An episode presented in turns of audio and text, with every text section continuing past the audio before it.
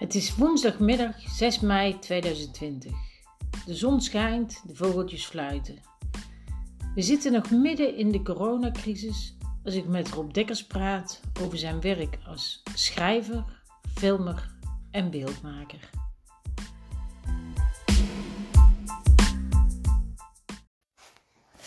Nou, Rob, hier zitten we bij jou in de woonkamer.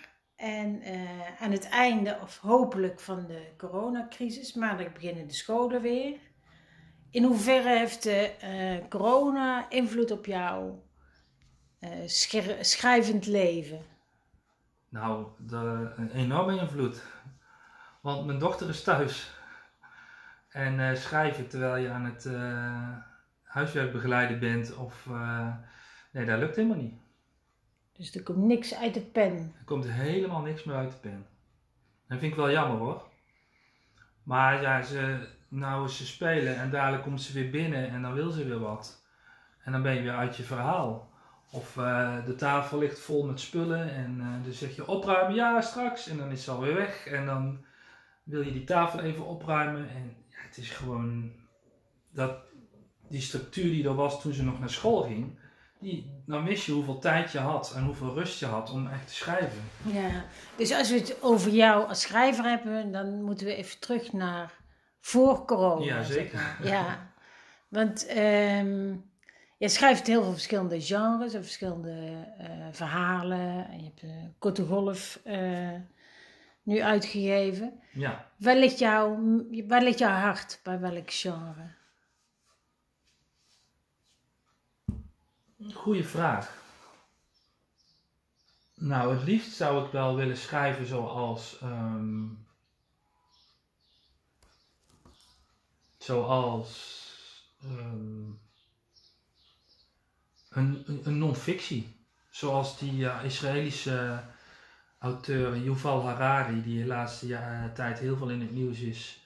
Dus hij schrijft over de, de geschiedenis van de mens en waar we naartoe gaan uh, en dat schrijft hij in hele fijne, mooie zinnen die voor iedereen te begrijpen zijn. En uh, ja, zo zou ik het het liefst ook willen schrijven, zeg maar. Een beetje de wereld beschouwen zoals die nu, uh, zoals die draait en waar we naartoe gaan met de wereld. Ja, maar wel, ja precies, maar niet het, het, het heigerige dagelijkse nieuws, zeg maar, van het coronajournaal, maar meer beschouwend, iets meer op een afstand. Van wat, want wat gebeurt er nu? We hebben nu een enorme, maken nu een enorme ontwikkeling door. En bepaalde dingen zijn nu blijvend veranderd. En ja, als je daar met een stapje terug, uh, als je een stapje terug zet en je kijkt daarna, dan denk je van, goh, hoe gaat dat in de toekomst? Mm. En wat denk je dan dat blijvend veranderd is, bijvoorbeeld? Nou, ik denk dat bijvoorbeeld de, de, de techbedrijven zoals uh, Microsoft en Google en die nog veel meer voet tussen de deur hebben. En dat we nog meer, uh, omdat we werken op afstand, we vergaderen op afstand. Ja, dat wordt allemaal, uh, we worden nog meer, zeg maar, individuen die losgeweekt zijn uit een, uit een sociale context, zeg maar. En dus, ja, ik vind dat niet een goede ontwikkeling. Ja, dus voor jou is dit, zeg maar, in jouw, uh, uh, als je kijkt naar jouw safari in de online jungle, waarin jij uh, ja. over de ontwikkeling van social media schrijft ja. en de betekenis van verhalen vertellen, is ja. dit voor jou dus eigenlijk ook een hele interessante tijd. Super interessant. Om het vanuit dat perspectief verder te belichten. Super interessante tijd. Maar dan moet je wel de, even de rust en de tijd nemen om uh, even afstand te nemen. En uh, bepaalde berichten waarvan wij denken van, joh, zit dat zo? Of en hoe kan dat nou?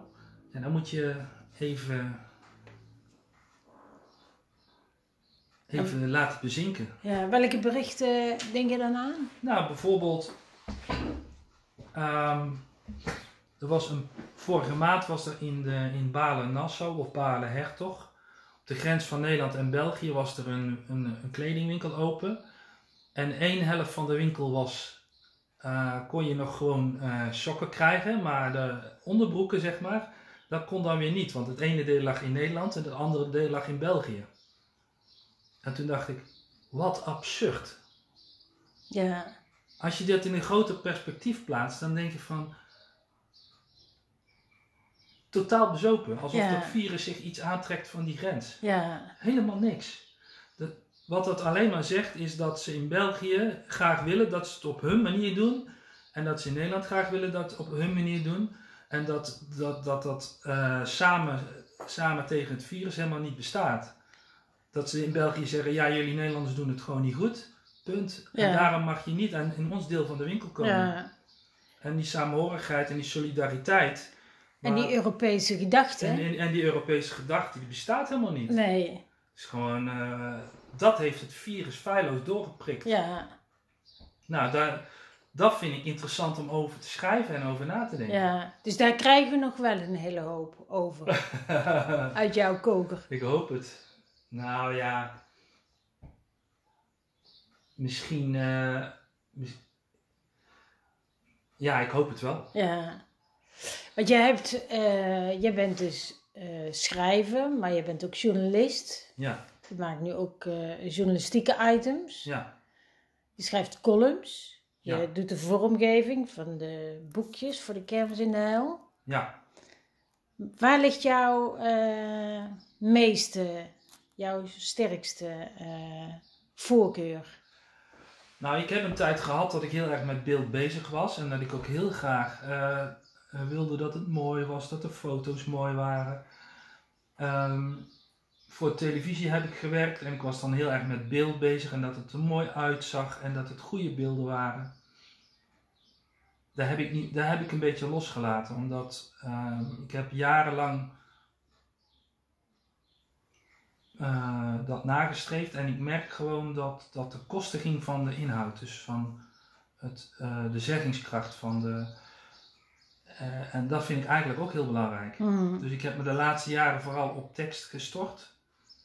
En um, dat beeld is mooi, maar moet voor, vooral bijzaak blijven. Mm. Moet ondersteunend zijn. Ja, ja. En het is te lang, misschien wel twintig jaar lang, is het Ehm, meer dan alleen maar bijzaak geweest. Ik denk dat dat de kost is gegaan van het schrijven, zeg maar. Ja, ja, maar je hebt wel een mooie producten afgeleverd.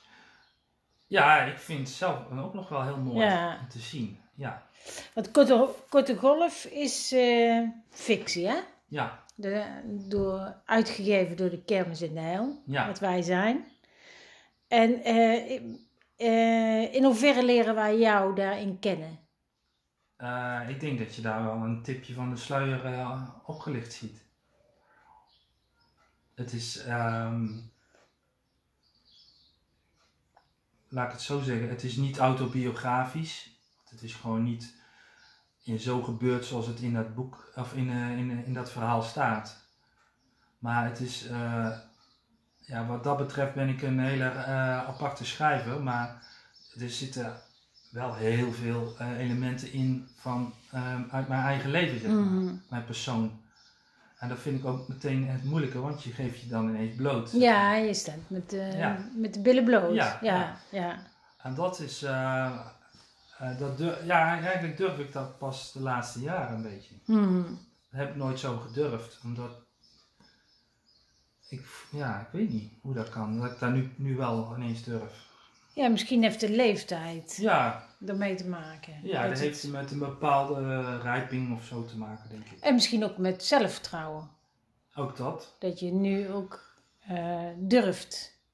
Ja, maar zelfvertrouwen is gegroeid door, um, door, door dit uit te geven. Dus het is niet de ene oorzaak het andere gevolg, okay. maar het is een beetje, gaat hand in hand. Samen.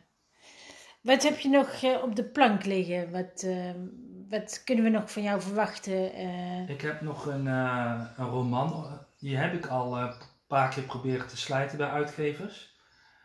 En die vind ik, nog steeds, ik vind nog steeds een heel mooi verhaal. Maar met terugwerkende kracht vind ik ook dat, die, dat, het, nog, dat het niet goed is. Dat die het is eigenlijk meer een filmscript. Laat ik het zo zeggen. Ik ben begonnen met scènes schrijven en dialogen. Die zou je bijna één op één kunnen verfilmen. Wat, wat er dus in dat boek nog niet gebeurd is, dat dat je echt in de hoofden van die mensen kijkt, zeg maar. Dus het is veel meer vertellen wat je ziet of wat je hoort. En als ik kijk naar Bettine bijvoorbeeld, onze collega, die, ja, hoe die uitweidt en welke zijpaden zij allemaal inslaat en hoe zij uh, andere auteurs erbij haalt. Ja, zo zou ik ook wel willen schrijven. Mhm. En ik, ik, wil mezelf wel de kans geven om die, die vorm, die stijl toch ook nog een keer toe te passen op mijn nieuwe, op mijn boek. Want je zou ook kunnen zeggen, als het als een soort filmscenario zou kunnen dienen, zou je ook kunnen bedenken van, uh, het kan ook verfilmd worden. Ja, ja, ja, dat denk ik wel.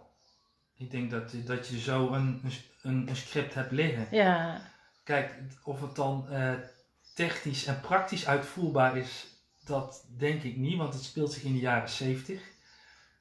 Dus daar is, uh, ja, daar, daar moet je... Als je denkt aan dat je het zelf zou gaan verfilmen. Nee, dat ga ik niet doen. Nee. Maar je zou het ook gewoon aan een filmmaker kunnen voorstellen. Ja, dat heb ik geprobeerd. Oké. En ik heb het ooit een keer gegeven aan Romein Konen. En dat is een, uh, die woont hier in een bos. Of die woonde in een bos. En die jongen die zat ook in verschillende producties. Uh, Flikker Maastricht zat hij. En hij was een van die drie jongens van de Amstel bierreclame van de jaren 15 geleden. Ja, maar hij is... Uh, hij heeft een hersenbloeding gehad, geloof ik, een jaar of tien geleden. En hij, hij woont ergens in Berlicum achteraf. En hij is nooit meer de oude geworden. Of misschien dat hij inmiddels wel. Maar hij is meer acteur, toch? Of niet? Ja. Ja, dus. Maar, maar ja, het zocht een ingang. Ik heb aan hem gevraagd of hij iemand kende. Oh, oké. Okay. Daar is helaas doodgebloed en ik heb er zelf ook niet meer zoveel aan gedaan. Want hier in Den Bosch zit ook die Van Os film. Ja, Frank van Os. Ja, ik geloof het wel. Ja, ik ken hem ben verder ik een keer geweest. Oké. Okay. Uh, vorig jaar of twee jaar geleden bij een, uh, een uh, een lunch of een diner van Concaf. Dat was een soort netwerkachtig dingetje. Ja, maar dat is een documentaire maken. Ja, dat is waar. Dat is meer documentaire En, ik heb zelf ook twee documentaires gemaakt. Oh, die heb je al gemaakt ook? Ja. Eén over uh, het oude spoor van Nijmegen naar Kleef. Dat was mijn eerste. Technisch niet volmaakt en uh, inhoudelijk wel heel erg grappig, vond ik. En daarna over het kanaal hier, de, de laatste beroepsvaart door Den Bosch. Oh, dat is ook interessant. Wat later het Maxima-kanaal. Ja. Uh, door de Zuid-Willemsvaart. Ja. Oh. En toen ik het eindelijk af had en ik heb heel veel gefilmd en heel veel. Ik had een, uiteindelijk een half uur. Uh, uh, is daarvan overgebleven. Dat staat ook op YouTube. En toen had ik geen puff meer om het ook nog te gaan promoten. Hmm. Dus dat is eigenlijk. En hoe heet die? Hoe heette die uh, Uit de vaart heet die. Uit de vaart. Op YouTube kunnen we die vinden. Ja. En die andere? Slapend spoor. Slapend spoor. Mooie namen. Ja. Dus daar kunnen we, als we willen, kunnen we daar jouw documentaires uh, ja, terugzien. Ja, ja. Dus, uh, en dat vind ik wel op zich wel leuk om te doen, documentaires maken. Maar het kost je een half jaar van je leven. het levert helemaal geen cent op. En uh, als je het niet goed promoot, dan levert het ook geen kijkers op. Nee. Dus je moet, je, je, je, moet ook ergens bij aanhaken. En Ja. dat, uh, dat is de volgende stap, zeg maar. Ja, want het is wel alles wat jij doet, zeg maar, alle uh, activiteiten die je ontplooit, zitten wel allemaal het verhaal wat je wil vertellen. Ja, Wat vanuit de- mezelf. Vanuit jouzelf, zeg maar. Ja, wat zo in de, agenda. in de safari, eh, Ja, in de online jungle, is dat eigenlijk ook een leidend thema, zeg Ja. maar. Dat verhalen vertellen heel belangrijk ja, is. ja, ja, ja. Dus het is, uh, ja, zeker, absoluut. Maar wel een verhaal dat mezelf boeit, zeg maar. Ja, En dat kan dus alle kanten op gaan. En daardoor ben ik ook wel een beetje ongrijpbaar, omdat het ene keer gaat het over een oude spoorlijn en de andere gaat het weer over een uh, vakantie uh, in een camper. En het is niet dat nou allemaal te herleiden is tot één specifieke thema of zo. nee. Ja, of misschien wel, maar Dus jouw uh, Korte Golf is fictie eigenlijk. ja. Je hebt uh, documentaires, dus dat is feitelijk. Ja. Hoe sta jij tussen feit en fictie? Uh, wat is jouw Hoe kijk je daarnaar? ja, ja voor, mij, voor mij mag die grens liefst zo uh, vaag mogelijk blijven. Tussen feiten en fictie? Ja. ja. Maar niet als je documentaires maakt natuurlijk. Ja, ook. Oh, dan wel. Ook, ja? Ja. Terwijl een documentaire ook toch juist heel feitelijk te registreren en heel objectief. Is het zo? Dat denk ik. En dat weet ik eigenlijk niet. Nou, dat is wel wat ik denk. Als ik naar een documentaire kijk, dat ik soort feitelijk en objectief geïnformeerd word. Ja, dat, en in, in zekere zin heb je daar wel gelijk in. Omdat je natuurlijk met een camera registreer je. Maar je zult natuurlijk altijd uh, keuzes moeten maken. Ook als je de camera aanzet. Waarom kies je voor dat onderwerp? Uh, zit al een keuze in. Ja. En je filmt... Uh, van al het materiaal gooi je misschien uh, eh, 90% weg. Ja. Dus 10% hou je over. Waarom, hè? Dus dat zijn ook keuzes. In die zin is het toch zo dat je vanuit een verhaal start. Ja, en je manipuleert natuurlijk ook een beetje de. Het is natuurlijk niet helemaal een objectieve registratie. Nee, dat de manier waarop jij beelden aan elkaar plakt of hoe je ze monteert, dat is natuurlijk heel veelzeggend van wat er uiteindelijk van een verhaal overblijft. Nou, dat is dus het punt dat ehm, mensen denken heel erg uh, simpel. Uh, niet iedereen denkt zo, maar simpel gezegd zou je kunnen zeggen: als je iets opschrijft, dan kun je heel veel verzinnen. Maar als je de camera aanzet, ja, dan zie je dat het gebeurt. Dus dan zal het ook wel waar zijn. En uh, nou, is een heel goed voorbeeld. Vorige maand had ik een interview met iemand en die was bang dat ik hem uh, woorden in de mond zou leggen. Toen zei ik: Ja, maar we komen met de camera langs, dus dan zegt u het op beeld, weet je wel. En dan uh, bent u er zelf bij wat u zegt. Maar ik weet, ik weet natuurlijk dat ook dan je nog heel, heel erg goed kan manipuleren. Mm. Door een bepaalde vraag te stellen op een bepaalde manier. Door te knippen in een quote, de, uh, in een antwoord van, een, uh, van iemand. Door de, en dat doe je met um, documentaire ook. Ja. Je, je bent constant aan het, één aspect van de, van, de, van de waarheid aan het belichten dus als, en dus eigenlijk ook je eigen aspect van de waarheid. Wat jij belangrijk vindt, ja. natuurlijk. Ja. Absoluut.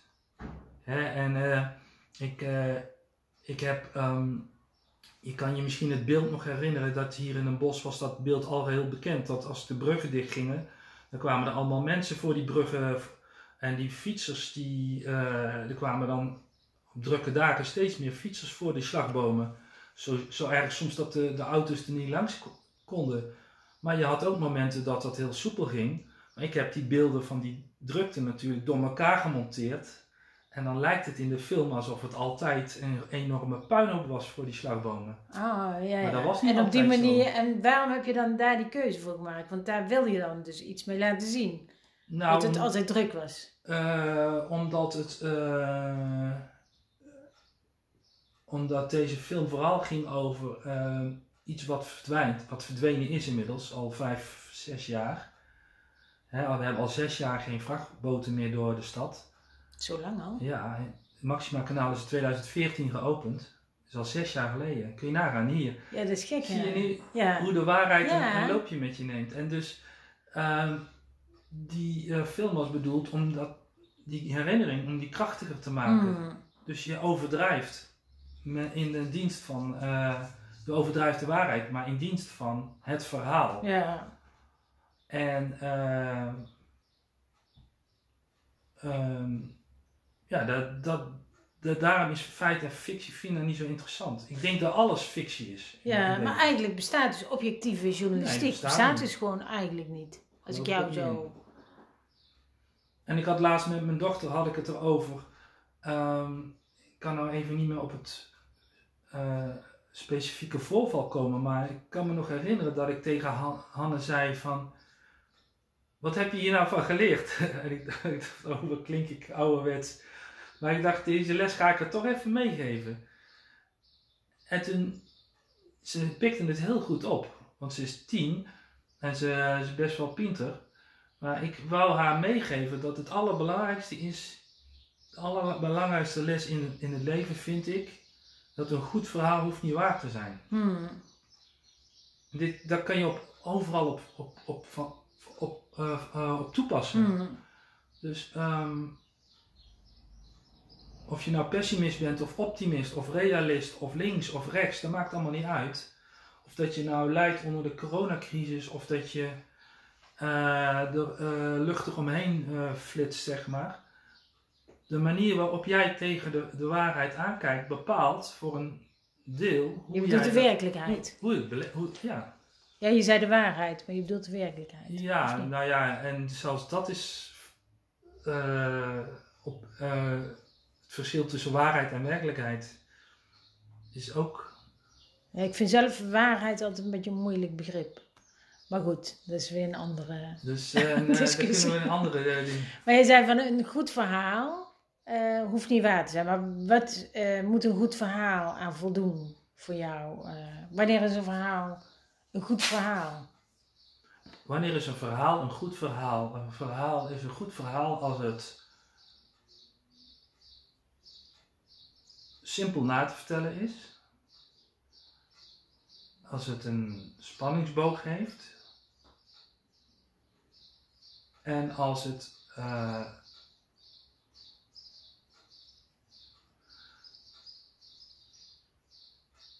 niet afgesloten is. Dus als het niet zomaar een eind heeft, zeg maar, maar meer een, een, een, een, een kiem van een nieuw verhaal is ja, ja. op het eind. Oh, dat is wel een mooi gezicht eigenlijk. Ja, ik bedenk het op de plek. Ja, dat is heel goed. Uh...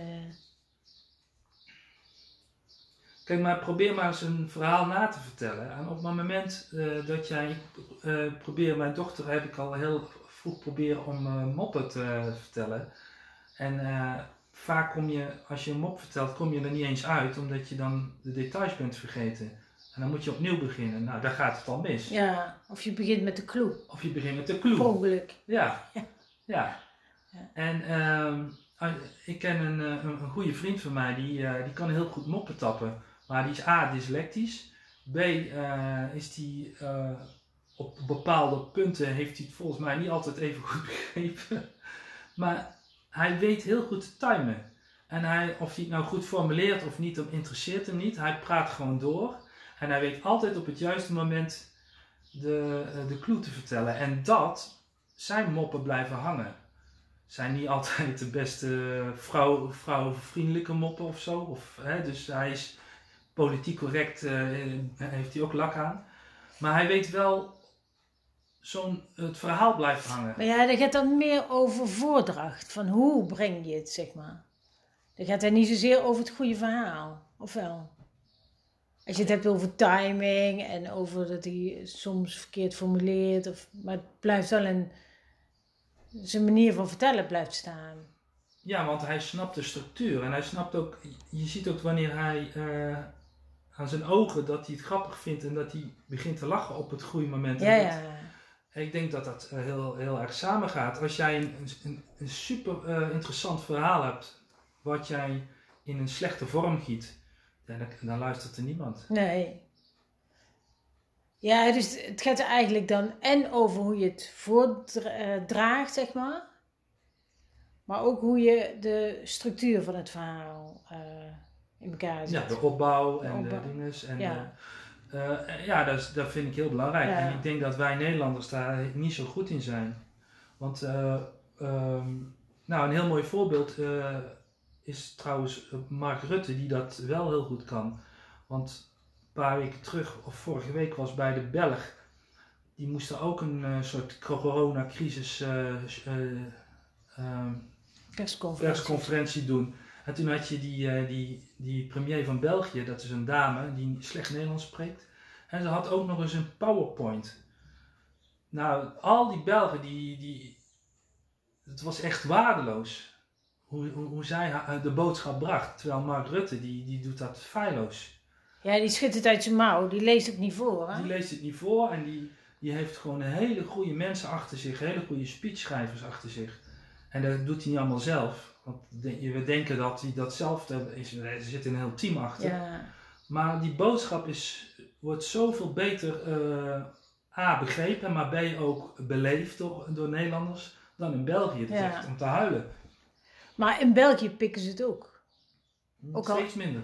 Heb ik het gevoel. Maar hier ook steeds minder, want hier gaan ook steeds meer mensen protesteren tegen... Ja, maar je, ziet wel vanuit, uh, ik kijk veel naar het Belgische journaal, het Vlaamse journaal, en dan zie je dat ze met de schuin naar, een beetje jaloersig naar Nederland kijken soms van dat wij met veel minder stringente maatregelen toch een relatief dezelfde uitkomst hebben. Ja, ja, ja. Maar die, als je de ambtelijke taalgebruik van die, van die premier daar of van die ministers daar, daar, is, daar lust de honden geen brood mm. van. Dus als je iets te vertellen hebt, zorg dan dat je het in een goede vorm giet, ja, zeg maar. Ja. Dat bedoel ik eigenlijk. Ja. Want dat, daarmee doe je jezelf tekort, mm. denk ik. Als je iets te vertellen hebt, zorg dan dat je het op een goede manier vertelt. Ja. Daar kan ik zelf ook nog van leren trouwens.